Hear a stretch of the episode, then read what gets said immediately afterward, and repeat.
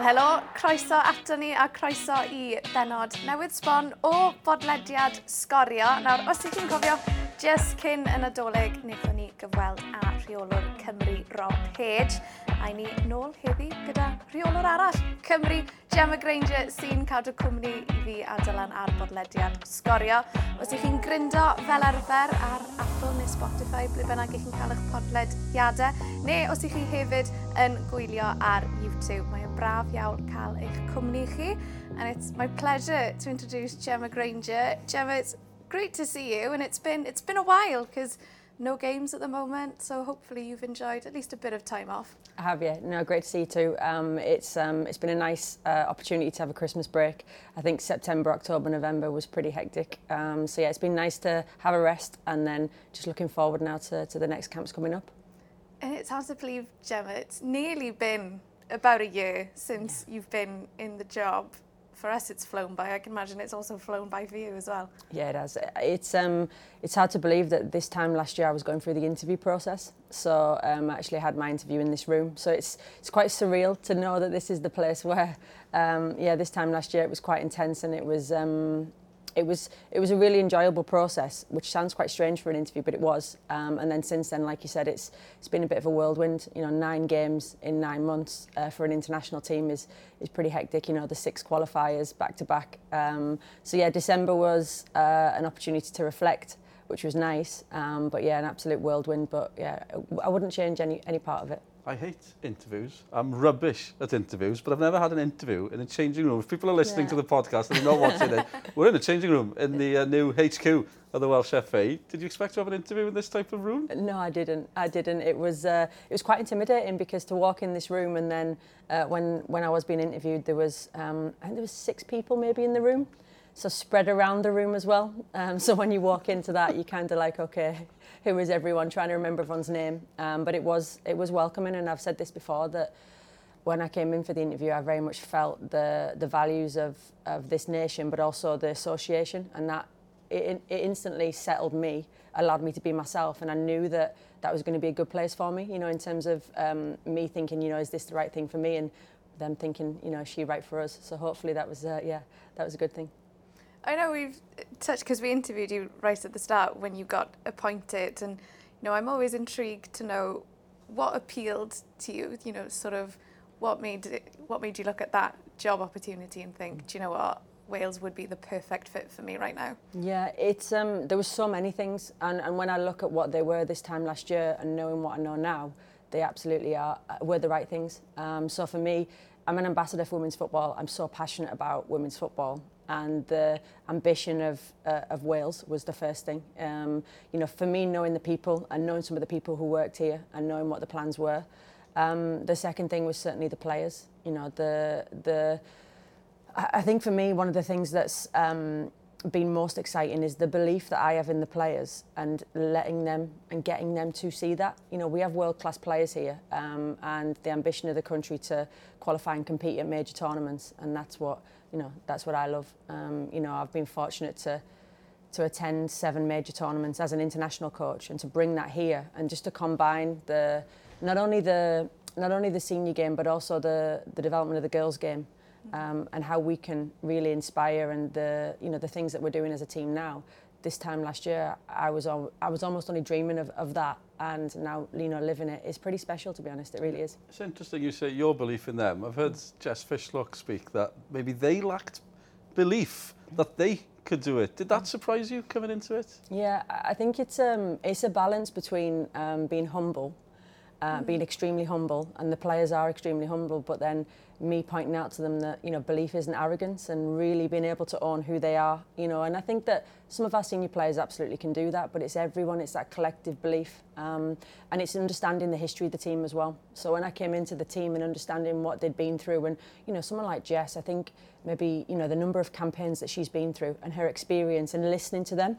So listening to what experiences they'd had and how close they'd got previously um, and you know the one thing again that really struck me with the team is that players like Jess, they, wa- they would give up their whole career to be successful with Wales. and that is, you know, when I speak to them, you know, on uh, I speak to them regularly, you know, and, and it's like, okay, so I met with Jess uh, a couple of weeks ago, and I'm like, right, Jess, 2022, what does it look like? And she's like, right, okay, so Wales, and I'm like, okay, so what about, you know, a club? Okay, but Wales, and it's it's always so. She's, you know, my club coach knows that when I'm at Wales, this is what I'm doing. So it's um for an, as an international manager, I think that's a really unique situation to be in because all the all their well their number one priority is Wales. They do prioritise their clubs, but you know for me that's a, yeah that's a really easy way to, to work with players. You've had so many experiences in the game. Do you think the, this they're a tight knit group, especially the older players, what they've been through, lack of resources. Do you know, they were getting hand-me-down kits from yeah. the men's teams. What do you make of all that? Is that something that, did you experience something like that as well? What, what, what, what I'm trying to get at is, what does what they've experienced and what they've battled to create, does that make them I hate the odd together stronger as everywhere, but is it true? It is. It is. I think it. Um, I think it unites us. I think that, you know, for for me, the journey um, to professionalism for women's football is very much still ongoing. Mm. And for me as a coach and a player and the players currently now, we've all been through that journey together wherever we've been.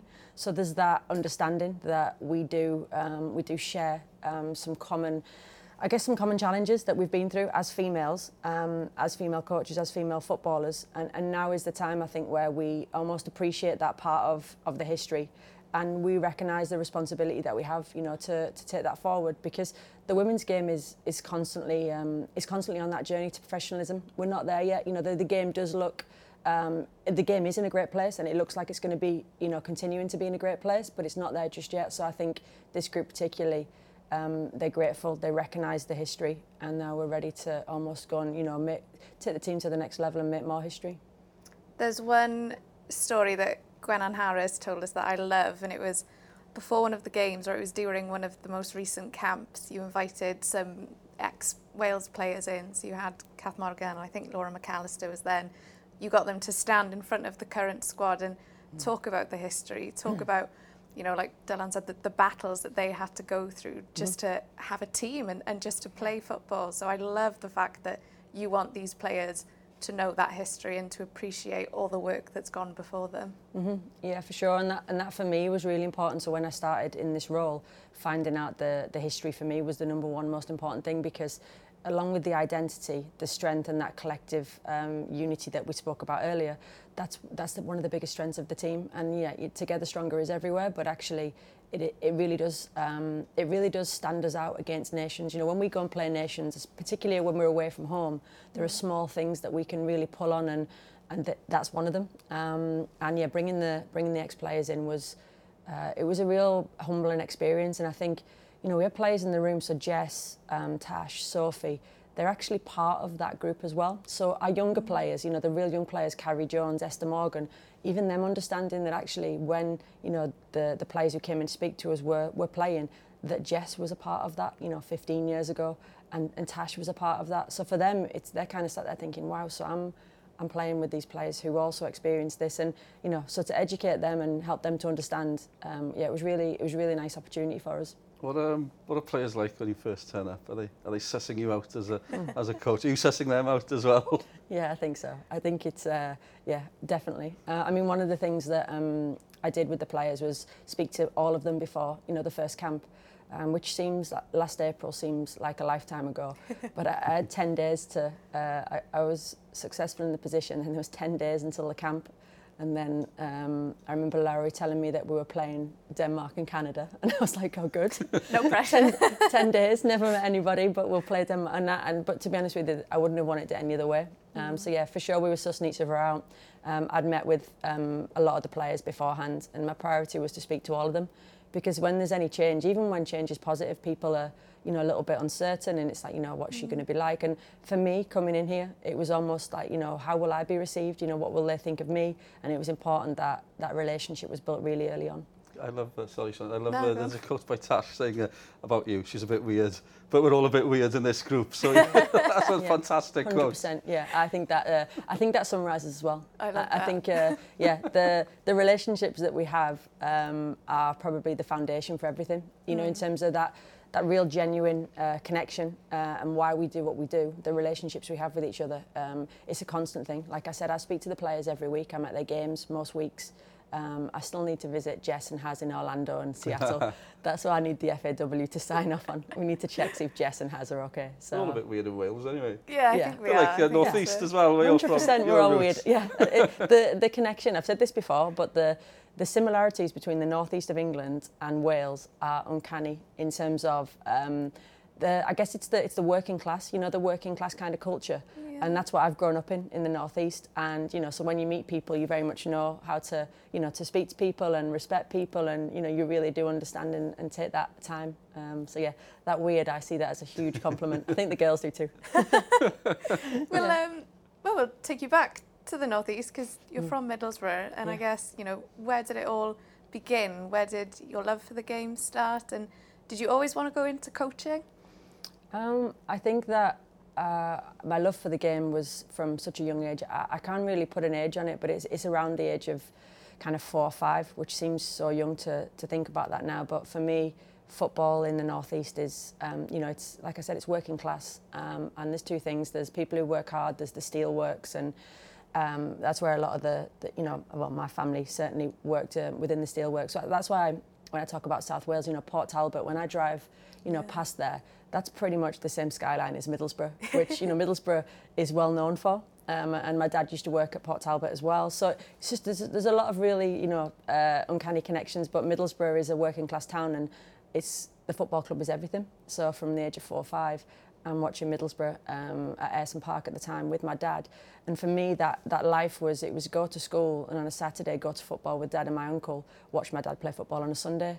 And it was just repeat from the age of like four or five all the way through. So it's kind of ingrained in me. It's a love and a passion that um, I didn't, tr- I don't think I truly appreciated or understood until um, later, later on in life, if you like, because when, for me, football is, whether it was male, whether it was female, when I was younger, it was just football. Um, I didn't see myself as a female in a male environment. It never dawned on me, you know, even though that's what it was. Um, but for me now, the playing the game and my passion for being an ambassador and, and, and having that platform to represent females, that's become even more of a priority for me, you know, in terms of what people from Middlesbrough, um, particularly, you know, in terms of what what is achievable from whether you're from Middlesbrough, whether you're you know from South Wales, North Wales, wherever you're from, you can actually you know once you've got a love for something and you know what you really are passionate about, that you know the the sky's the limit. Um, and I, I'd say that's what yeah that's that's what I'm most passionate about for sure. It's uh, interesting you say the Port Talbot Middlesbrough thing. It is Yeah. uncanny. Everybody's arguing where was Blade Runner based. it, is, it is Middlesbrough. It is Middlesbrough. Yes, it is. Um, I was trying to Yeah. suss out as well which era of Middlesbrough Yeah. when you first started following the team. Uh, So it's before the Brian Robson Yeah. crazy era. Yeah, it's a it's just before that. Yeah. So um, for me. Before Ravanelli and Juninho and all those Oh, guys I, landed. I've had such a no, I've had such a great time as a Middlesbrough fan because those players, you know, for me it was around that era. You know, Paul Gascoigne, Paul Merson, Ra- Ravanelli, Juninho. I've um, one of my best memories was in the what was obviously the Millennium Stadium. Middlesbrough won the was the Carling Cup at that Ah, point. okay. We beat Bolton there. So Gosh, my, you know, my first trip to Cardiff was there with my dad, um, and I remember that day so well because you know Middlesbrough. I mean, I don't know that they will ever win. Uh, you know, something again in my lifetime. Maybe I'll be wrong, but yeah, for me that was huge. So to be, for that to be based in Cardiff, I'm like, there's so many strange things that are really nice memories for me. But yeah, certainly, uh, yeah, certainly that's one of them, for sure. That was an interesting time. The boom of football when everything Yeah. went a bit crazy. It was crazy. Yeah, Oh, it was crazy. It was. Yeah. And then Gemma, how did the you know the journey into the coach that you are now? Where did that begin? Because I'm right in saying you started at a really young age on your coaching journey. Yeah, I did. I um I was still playing, so I was 18, um, and I pretty much started coaching in primary schools, and that's when the journey started. And I think when I was 18, I mean, it was 20, uh, 21 years ago now. Um, so at that at that point, I remember um, starting coaching, going into primary schools, bag of balls in the boot of the car, driving around Middlesbrough schools, um, working in the football in the community, really starting to uh, deliver girls only sessions. So there was some funding at that time, and it was kind of like, you know, we're really big on girls football. And I remember having a conversation with my mum at the time, and she said to me, Gemma, you know, this isn't a job for you. And I said, why? And she said, you know, you, maybe you should be a PE teacher, because she was worried that, you know, coaching wasn't going to be a, you know, a profession, career, certainly in the women's game, because at that point it was very much grassroots, even at the highest level, um, you know, of the game. So I um I didn't listen to that uh, and you know, I, I think I was when I look back at it, I was probably a little bit defiant of the fact that I was going to continue to be a coach and and continue to do that, and it kind of went from there. So I, the the funding in the game and the girls' game particularly, um, I then started working at a county FA, which was where I spent again a lot of time developing grassroots football, but at the same time working with um, elite girls at the time. Um, and I went to Middlesbrough, Leeds United, and I was working with some really, really good young players who now are professional players um, in the game, which when I look back, I'm kind of like, wow, you know, that's again another real strange thing that, you know, you meet a player at nine and now she plays, you know, as an international player and, you know, a WSL player. So there's some really nice things there that, for me, coaching in the last 21 years has been a real mix of grassroots and elite, and I enjoy mm-hmm. both. You know, I was at our performance squad last night down at USW, and to see the under 12s down there, I get as excited coaching under 12s as I do like senior internationals. It's amazing because ultimately you just got people out there who love what they're doing and you just want to help them to get better. So I did start young and I think that from day one I had the bug. I can remember where I was in my first coaching session when I was 18. It was on an AstroTurf pitch um, in Peterlee, which is near Durham, and I just remember the school turning up and that was that and it's a real like it's a real clear memory for me so mm. yeah again I don't know if I realised at the time how much I realised I was going to love coaching but obviously I absolutely do Well, thank God you ignored your mum's advice because yeah, otherwise we wouldn't be sat here. I know, I know. Mums worry. Yeah, yeah, they do. And dads, that's, they worry. That's yeah. it. They worry. Yeah. That's all it came from. Worry. She's uh, yeah, she's incredibly happy now. But uh, yeah, it was worry. 100%. She was worried. And you've had a lot of experience coaching abroad as well, haven't mm-hmm. you? You've been yeah. out to Germany and yeah. America. So yeah. you've sort of, I don't know, you feel like you've had the complete experiences in terms of being out in different cultures and, and learning from all sorts of different football coaches. Yeah, I think that's um, as a as a football coach, that's what we've got to do. You know, mm. the one of the things throughout my coach education was um, learning about what other countries do well and what we can learn from them. So particularly with the Germans, you know, for me, the you know the winning mentality within the women's team at the time, they just won. I think it was like their sixth consecutive European Championship. So I was like, right, okay, I need to go and meet, you know, Silvia Neid, who was the head coach at the time. So I was on my pro license at the time, went to meet her, spend some time in her environment, and just picking up, you know, what is it that makes them successful. Um, the Americans as well.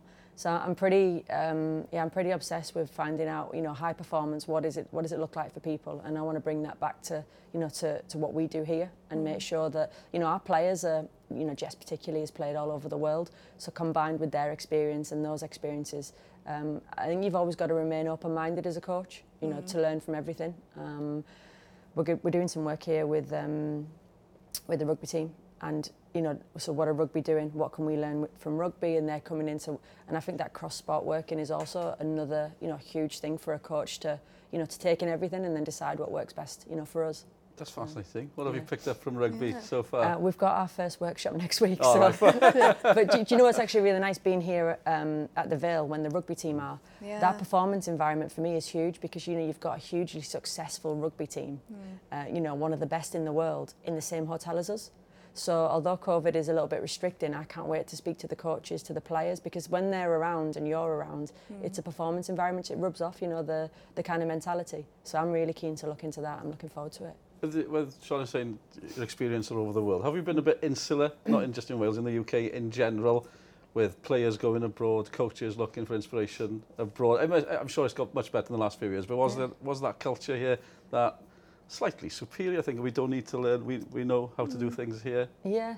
I um I don't know if I don't know if that exists in the women's game as such. I think um, yeah. yeah. I think in the women's game it's always been a bit of an open door policy. So mm. I was so surprised that when so Silvia Neid at the time was the Germany women's head coach, and when I contacted the German FA to go and visit her, I was so surprised that they were like, "We'd love to have you." Um, you know, we come over for a week where we've on, and, and I was like, wow, they're like, they're kind of really welcoming, but it taught me something that, you know, the most successful teams and people are like that, you know, in mm. terms of they want to share that knowledge. So that mentality is almost the opposite of, you know, um, the door closed or the door shut secrets. Um, so the women's game, I've always found that I actually spent some time a couple of weeks ago with GB Hockey um, okay. down at Bisham Abbey and I'm constantly, you know, searching for, you know, GB Hockey, meeting with the players, meeting with the head coach there, you know, what, what makes you successful, you know, they're a hugely successful culture.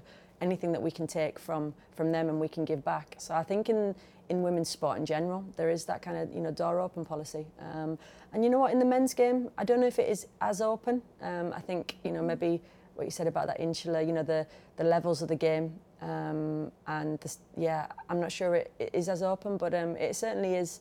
It's open behind closed doors because for me, I have a lot of support men in the who work in the men's game. I work with a lot of you know coaches, not so publicly, but they're mm. always wanting to help the game and and me particularly, you know, in supporting me.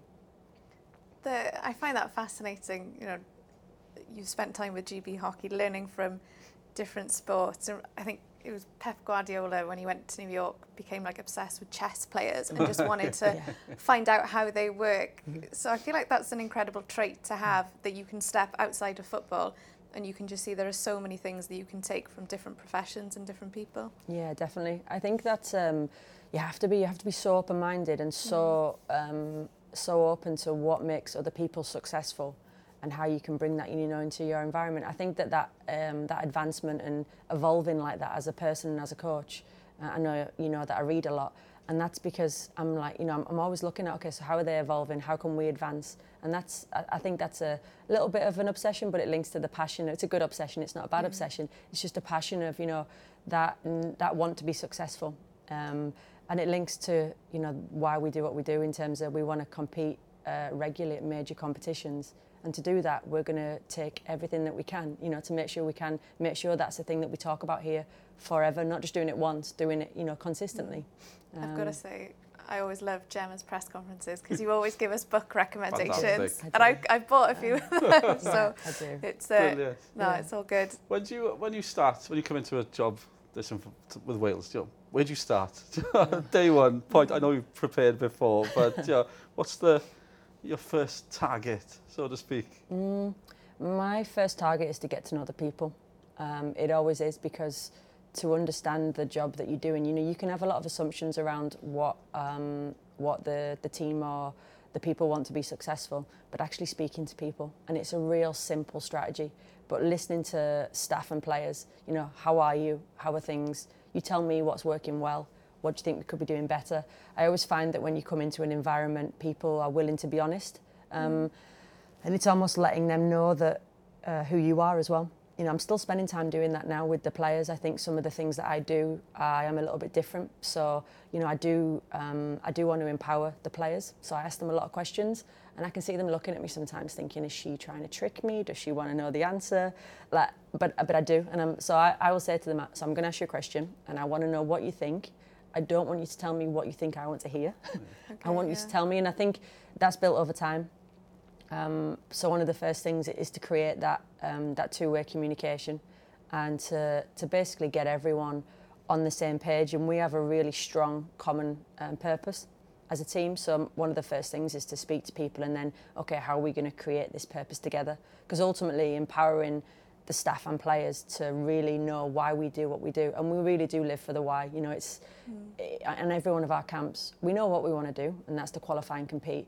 But actually, why we do it is a very different part of you know who we are. And I think that you know the why in the first half of the campaign, the for her, for them, for us, mm. has been such a strong aspect of you know the the the way we have been every day. You know, the culture that the the standards that we live to. It drives us all and motivates us all, um, and it's it's a big part of who we are for sure. You've spoken about doing stuff, explaining to the players what we're doing, explaining the why. Mm. That's a, that's a term I've heard a few times. How important is that for players? Yeah, the particularly. Um, particularly I find with female players, they like to understand why. So even it's even if it's as simple as, um, you know, we're gonna uh, we're gonna be doing this in training today, and this is why. Mm. I think that helps with buy-in and understanding um, because people want, generally want to know why they're doing what they're doing. Um, and again, creating that opportunity for players to ask questions. You know, Gemma, why are we doing this? Or I actually think we could be doing this. The strength of the team, for me, the variety in the playing group and the staff group, everyone's got to be able to feel like they've got a voice. Mm. So if someone does notice something, so it's not about me being right all of the time. I have an incredible staff group who are better than I am in many areas. So the players seeing that the staff um, the staff delivering their strengths is our philosophy and the players as well. You know, mm-hmm. the players' strengths, we spend a lot of time talking about what they're good at. And the philosophy is if you deliver what you're good at, then we won't be far off, you know, whatever we want to achieve. Um, but it's a daily thing. It's a daily, it's a daily thing that we work on. Um, it's not something that you know you say. I hear the word culture a lot, and it's like you know we have a great culture. Why we do what we do, but it's actually behaviours. It's daily behaviours that if they can be consistent and they align with you know the why, that's what we work hardest on. Um, you know, some days was it good enough today? I'm not sure it was. Being honest with those conversations, we've we've had some really good conversations as staff and players because it's so important to say, you know what, that wasn't good enough today. Why wasn't it good enough? Let's talk through it. Let's move on together. So, and that's high performance for me. It's So- it really is. Is that where leadership groups come in Mm. as well? How important are they? Yeah, they're huge. Um, the leadership groups are, um, for me, the, the player driven aspect of that is the most powerful part of the team. Because when the players are driving um, their leadership area, their culture, their accountability, it's so powerful because. You know, we um, so we have the uh, we have a number of leadership groups. So I work with the captains particularly, and you know the communication I have with them is consistent. It's on a weekly basis. It's, you know, Sophie, this is what I'm thinking for camp. What do you think? Sophie will give me her thoughts. The same with Tash. You know, Tash, I'm thinking this. What do you think? And we build it together. Um, so that's just one example, I I guess. But the the players as well have so much knowledge. Like it would be silly not to, you know, to tap, Tap into- into yeah. to their experiences and knowledge, and the staff um, the same. Um, so that how we do that together, I think that is a unique part of us, because it does take quite a lot of trust to empower people. Because essentially, you know, the trust, whether it's from me or f- from them, um, it's it takes time. But it, it was one of the first things that we spoke about. Um, going back to the question that you asked me on on the first um, camp that I came into, one of my biggest priorities was saying to the players, my number one um, priority is that you enjoy being here. So when they leave camp, if they're driving down the drive at the Vale thinking, I don't want to go back there, that's a huge problem for me. That's staff or players. So I was, and people are kind of like, you know, enjoyment. I'm like, yeah, enjoyment. We, I mean, I hope you see it. The players have the time of their life when they come here. And that's it, and the staff as well, as do I. And it's such an important part that people miss that, you know, enjoying things every day is, is huge. So we do have a lot of fun. Uh, and when we work, we work. So that's the, that's the idea. I think it's tr- what you're saying. It just makes sense in any workplace, and I Yeah. think I've worked in a lot of different places where that doesn't happen, where you don't listen to, you get told what to do, that's it, that's the end yeah. of it. Ah, fine, you need leaders, you need people with a plan, but mm. you just need to hear other people's opinions. It's, it's just yeah. makes sense really, doesn't it? But it does. not, not many people are doing it. No, Maybe no. they do in sport. Maybe other businesses should learn from sport, maybe. Yeah, I, I think um, yeah, I think sport is um, is developing into that. I think that mm. um, the that model of leadership is the way forward, you know, to utilize people's strengths. How do you get the best out of people? It's by listening to people. Um, and I think, you know, in terms of the hierarchy, there is a hierarchy in terms of I will say to the players, look, share with me an idea. I'm not always going to agree with you, but I'll always tell you if I, why I don't agree with you. And mm. it's almost that honesty again, you know, where so they don't always come to me and think Gemma's going to do everything we say, but I will say to them, you know what, I really appreciate your thoughts, but I'm, you know, I'm not, I'm not agreeing with that at this moment in time. This is why, so I'm going to mm. kind of go with this. But it's not a, it's not a hierarchy where it's like you're doing this. Yeah. So Yeah. yeah, it's a real fine line, and and we definitely get it right and wrong. I definitely get it wrong at times, but it's almost having that ability to say, I got this wrong today, um, because again, you know, the fear of making mistakes in elite sport is is so huge and so high. So to almost normalise that is um, is a real nice thing to do. You know, we all make mistakes. Just to go back to the whole enjoyment thing, Gemma, you can absolutely see that come out on the pitch as well, which is what I love. Anyone who's been to watch your Wales team play, like it's a joy, not just the football itself, but also what the FAW have done in terms of the match day experience. You know, it's a really friendly environment. You know, you've got dads taking their little boys, little girls to go and watch. That much that must mean the world to you, you know, after a game as well, just seeing the players. They can be still out there for like 15, 20 minutes after a game taking selfies and signing stuff, which Yeah. just wouldn't happen in the men's game. no, I remember um, the Greece game particularly that evening when the snow was. The anthem was, That was go- tough. yeah, it must have been. It must have been. It was in the minus figures, and the snow was hitting us in the face. And I was thinking, wow, the fans behind us had all turned out, and it was a really, it was a really um, special moment because after the game, I mean, so it'd been snowing all game. It's freezing. It's been raining. The wind, and after the game, the fans are still in the stand. And I turned around and I couldn't believe it. I was thinking, you know, no one's gonna, you know, want to come out in this.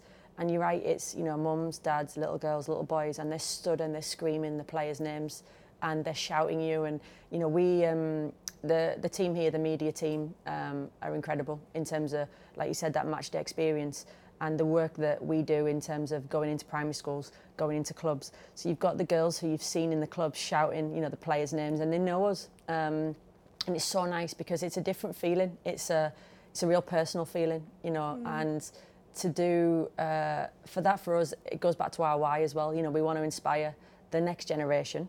Um, and the next generation are in the stand with their mums and dads, and they're freezing, and and they're waiting just to see just to see you and just to smile. You know the amount of um, the amount of joy that you know I get and the players get from seeing those. It, you just can't even you know that that's that's good enough. You know the mm. like you said even the on the pitch work, the players are really embracing what we're doing and they're enjoying themselves, and I think they've got that freedom.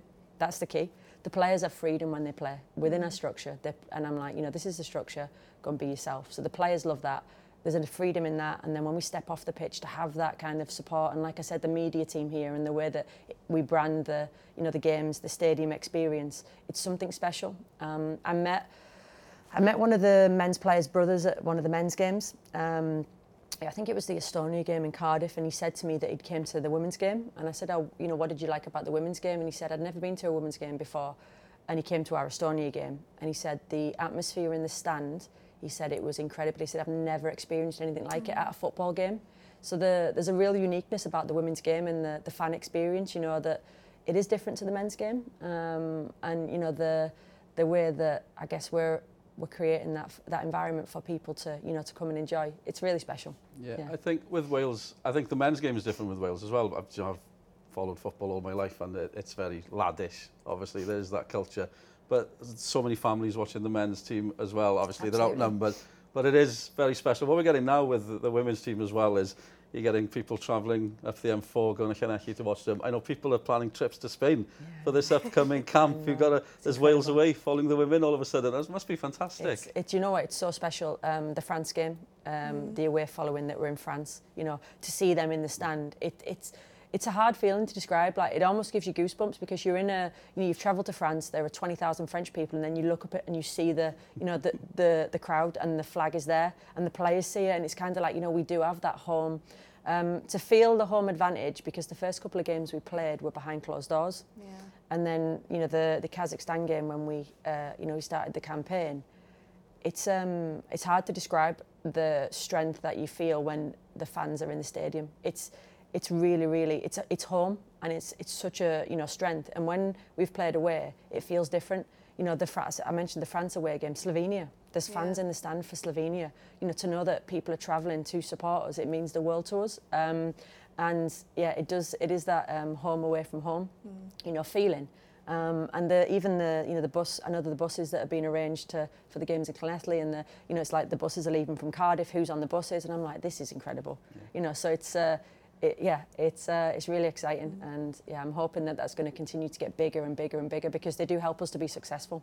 I don't blame them for the next up upcoming camp in Spain, though. No, that was not too bad. Looking forward to that one. That sounds. Yeah. I know it's a it's a yeah. camp. There's some big games coming up. That's going to be yeah. Yeah, I can't wait. Another um, challenge. Yeah, I can't wait. It's um, there's a couple of bits around the Pinatar, so we we're going to be in Spain for ten days in my time here, we've been at the Vale for all of our camps, and then we've obviously mm. flown out. So to have 10 days in Spain is going to be different for us the Pinatar Cup is a is um, for me it's like a tournament experience because when we go to tournaments we will be in hotels with other teams mm. we won't be based here we'll be based you know purely and it's three games six days that's tournament yeah. life yeah. so for me when I speak to the players I'm going to be like right okay and I, we've met with staff already that this is a rehearsal for a tournament for us mm. this is how we would be in a tournament when we're away from home so yeah can't wait for Pinatar it's going to be it's going to be good well um chat a bit about what's to come in 2022 in a bit. I just want to get your thoughts on, because on Sgorio we pay a lot of attention to the domestic game in Wales, and of course FAW have gone through this brilliant rebranding of the Adran leagues and everything.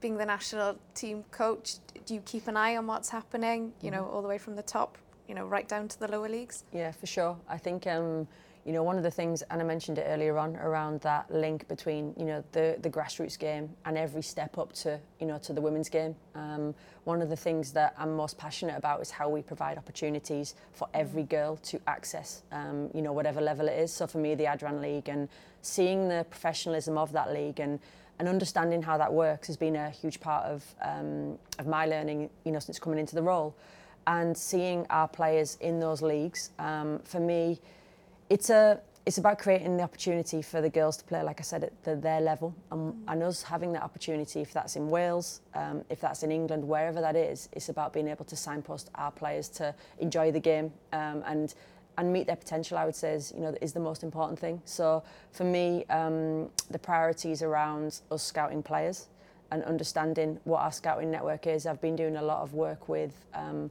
the uh, a gentleman who works on the men's side of the game and essentially is responsible in the last 10 years for recruiting, um, you know, all of the men's uh, kind of players and, and If you you're eligible, we got you.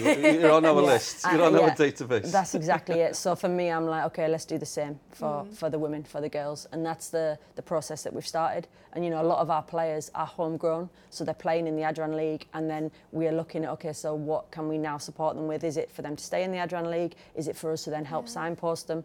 Um, you know, the girls' academies, you know, the the USW, the the base in the south, um, the girls are based at Colliers Park in the north. We have girls from 11 years old um, playing in our academies, and it's such a unique pathway for them. I don't think there are many countries that have access to their players from 11 years old right the way through to 17 years old in academies. Um, we had a meeting here yesterday and, and just listening to some of the work that's taking place. And like I said, I was at USW last night. You know, you've got under 12s, under 14s, under 16s. They're playing against boys. They're training twice a week. That's so unique. Um, It's exciting to to see where that's going to take them. And like I said, if that is then a pathway into the Adran League, um, where it's not just about on the pitch but off the pitch, how we support coaches, how we support those environments, because ultimately the environment um, that I spoke about on at a national team level, we want that environment in every single club. You know, every experience is to is to have that environment where girls enjoy it, but then there is a there's a structure that helps them to be you know the best they can be and, and whatever they want to be actually. And it's, I guess, having that, those opportunities and that pathway because it's, you know, in terms of the first, the senior national team, you know, it's very rare to get a player from the Adran leagues, you know, make it there. But n- young names come to mind like Phoebe Poole and Maria Francis Jones, Yeah. who are playing for the Wales youth teams, right. who are also playing in the Adran league. So Yeah. it's just seeing that visibility and seeing that there is a pathway there to develop. Yeah, absolutely. It's it's that pathway. That pathway is huge, you know. And I'd seen. I uh, I was with Phoebe last night at USW, and it's it's for me. It's knowing um, how I can support that pathway, and like you said, it, it's knowing the it's knowing that it's there. Um, because the, the pathway in this country is very unique because we should play to our strengths, I think, all of the time. So, you know, like whether it's on the pitch, whether it's off the pitch, and the Adran League helps us to do that because we have a base here, we have a strong base that we can build on. And then, like I said, signposting players to, to, you know wherever that is. But if that is to stay in the Adran League, it's making sure that we've got a good level of service that the girls can enjoy it and their environment is is a positive one, it's a safe one, and that the people who are supporting them, we can support them to continue to grow that you know that league. When you say signposted to whatever it be, because there's a mm. feeling in Wales, because we're next door to England, where mm. you know be it historical, inferiority complex, whatever, we see, no, we can't compete, they're so much bigger than us. But you could see there's opportunity as well. We do what we do here, Yeah. but there's a massive opportunity for players to go off to that system as well and develop. Yeah, for sure. It is an opportunity. It's um, it's not about competing. You know, it's a it's an opportunity. It's almost knowing that you know, um, if we are if we're really kind of clever about it, that England can you know develop some of our best talent in a way that really you know supports us to be successful. You know, when mm. you look at kind of mm. Sophie Ingle, you know Chelsea and the club are supporting her to be the best she can be, and then that makes her you know the best she can be for, for us. Which you know it comes hand in hand. So it's never. I, I don't think it's a competition. It's not about keeping players playing in Wales. It's about making sure players have the right opportunity and the best opportunity, but mm. knowing that that can be in Wales as well. You know, for, for us, Laura O'Sullivan is a prime example. So again, she's training um, at USW. She's we've got that professional program for her in place, bespoke for her, but she's not actually a professional player. You know, in terms of that that title, if you like, you know, professional contract. Um, so it, it is so unique, and like I said, us playing to our strengths um, is what we've got to do for sure. It's funny, uh, my daughter's 11 now, but she used to go to Huddle in USW, Right, and uh, so they're finishing, and then uh, she sees the older age groups arriving in Wales kit, and her face was, couldn't believe it. And a girl from her school has gone on and she's started playing for Wales, like I think it's under 15. So just seeing that, Brilliant. you know, she's now got to swim four times a week, but that's how they are at that That's age, I guess. She are, might, yeah. But she still wants to play football as well. But Yeah. her reaction when she saw these older girls sort of turning up in the kit, because that's Mm. important as well, and then somebody she knows actually playing for Wales, it's, it's, it's massive on a, on a young, eh, well, a young boy or a young girl, just It seeing is, that. Yeah, it is. It's a visibility, you know, the the phrase that you know you can't be what you can't see is so huge because you it really is the little moments like that. And it's the moments that, you know, hopefully your daughter will remember. And they, they stick in my mind as a young, you know, as a young girl playing football, it was always about the love of, of what to do. And I can't even imagine, you know, what it is like for like people like your daughter to to see that and look up and think, God, I can do that, you know, to have, you know, not only people at USW on a on a daily basis, but to see Sophie Ingle, you know, on Sky Sports, you know, playing for Chelsea, to see Hayley Ladd playing for Manchester United, Carrie Jones playing for Manchester United, and thinking, wow, that you know, I, I could do that. You, you know, yeah, you, yeah, you could. Um, and I think that that responsibility again, you know, even for for me as a female coach, you know, the more female coaches that we can, you know, develop alongside, you know, players in this country is a huge, it's a huge, uh, it's a huge challenge, but a huge opportunity and something that I'm so passionate about because the people that I've been working with, especially in grassroots clubs and um, you know, meeting female coaches, normally mums of, you know, that they've got the daughters playing in the team and just spending time with them and almost, uh, there's a real trend around, you know, confidence and, and me almost saying, you know what, you're doing a great job here. And they're, they're almost like, you know, oh, I'm not sure. And I'm like, you're doing a great job. You know, it's almost like that togetherness of, you know, coaches as well and, and female coaches because, um, you know, the, the, we have some incredible female coaches and I want to keep giving them the, the platform to keep being and, and doing, you know, the job that they're doing. because you know little girls being coached by female coaches or male coaches you know mm. it's great. But for me you know the the female coach element of it is something that I'm hugely passionate about. I've seen we've done I've seen the FAW as well doing a lot of work with the, the badges an all female course. Yeah. is mm. that how important is that? Yeah I think it is important. It's um it's important that it's available. Um for me I um I really enjoyed doing the mixed courses. So throughout my coaching badges, um, I really enjoyed. But again, it comes back to I guess what your environment is. Like I said, when I grew up, I never really seen myself as a female surrounded by kind of men. But then that that was the the fact. But it wasn't something that really dawned on me. However, for a lot of females, that female environment is important because it's supportive um, and that support is is a huge part when you're starting off as a coach. You know, the confidence to be yourself and um, and the support that's around you. So the female courses are, are brilliant, um, and, and yeah, and I think that is something that we do well here for sure. 2022, it's going to be a good one. I've got one question before Carry we on. move on, because I'm conscious of time. But Gemma, you spent a lot of years at the FA, and I know they think the world of you there. And when you got the Wales job, I think a certain Gareth Southgate sent you a message to congratulate you. Mm. Yeah, he you did, know, yeah. Keen to know.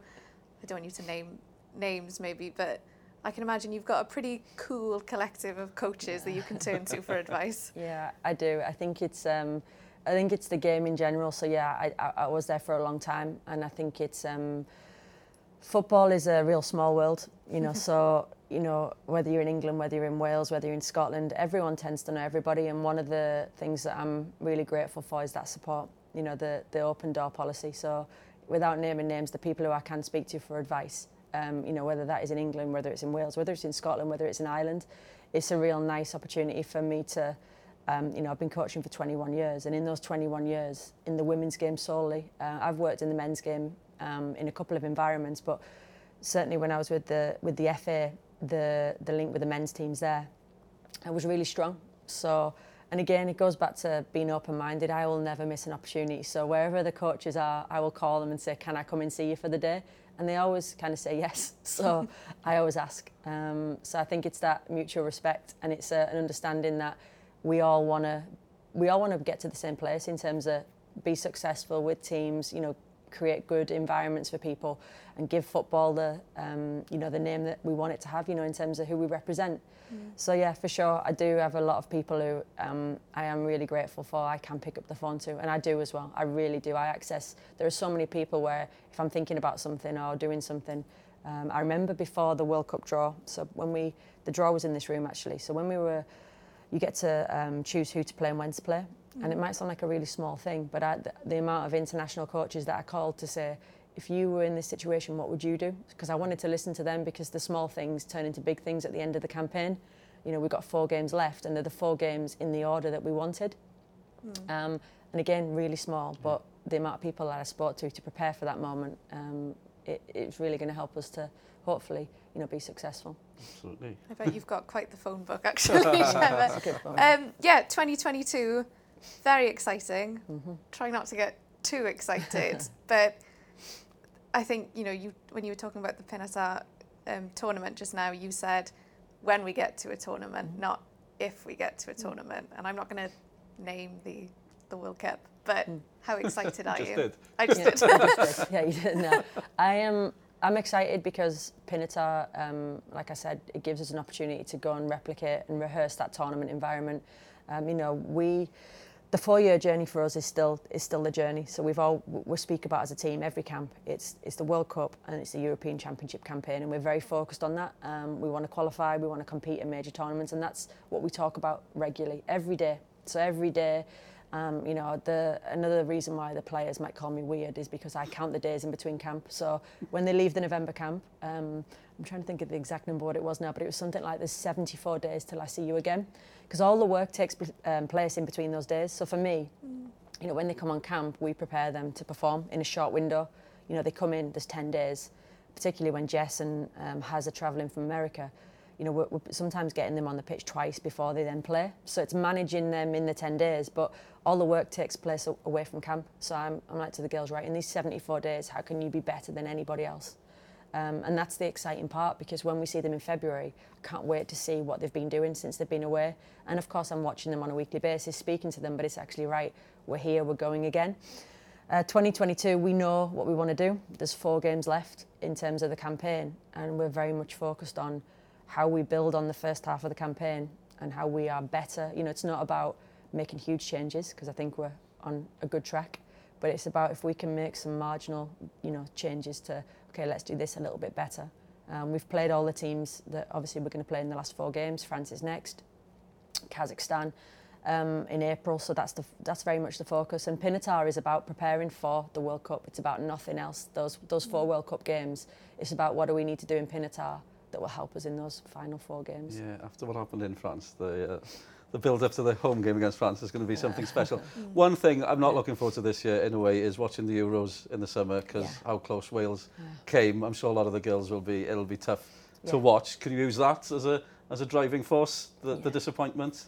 Yeah, I think it is going to be tough for the players. I think you know when when I first came in, that was one of the things that how close we know we were to that, um, and but it's almost how we use that you know we use the learning to, to motivate us. Like you said you know this summer for me as a coach i will be um, i'll be watching the euros closely because all of those teams we will play against. So for me selfishly as a coach and the coaching team here and us as a women's department we will be watching those games because we want to play against those teams in tournaments. You know you said the france game. My favourite game by far because they're the teams that we want to play in tournaments. Um, you know the, the other games of course they were great um, but for me, and when we are as a, as a group, I'm like to the girls, these are the games that we want to be, we want to play France at a tournament. So let's go out there and represent ourselves how we want to, you know, do that in tournaments. Um, and it's that mentality that we're constantly, it's mentality, it's belief that we're constantly building. I think what summed it up to me was after that France game, just how disappointed everyone was, whereas that would not have been the case even just a couple of years ago. So I think that to me just sums up how much the mentality has changed over the years, which is really exciting. Yeah. Um, I'm conscious of time. We're going to have to leave it there, but I feel like I could sit here and talk to you all day, Gemma. and it. honestly, best of luck yeah, with the next you. few months and everything, because, like I said, we're just so incredibly excited. Yeah, Thank you. it's great to have you in Wales. And, uh, and if you're weird, we all need to be weird. We love it. Let's embrace it. Absolutely. Thank you. Diolch. Diolch yn fawr. Diolch yn fawr. Diolch yn fawr. Wel, diolch yn fawr i chi am wylio a gwrando ar bodlediad sgorio. Diolch o galon hefyd i Gemma Granger am ymuno â ni. A dylo, wylwn i chi tro nesaf. Hyfryd, diolch yn fawr.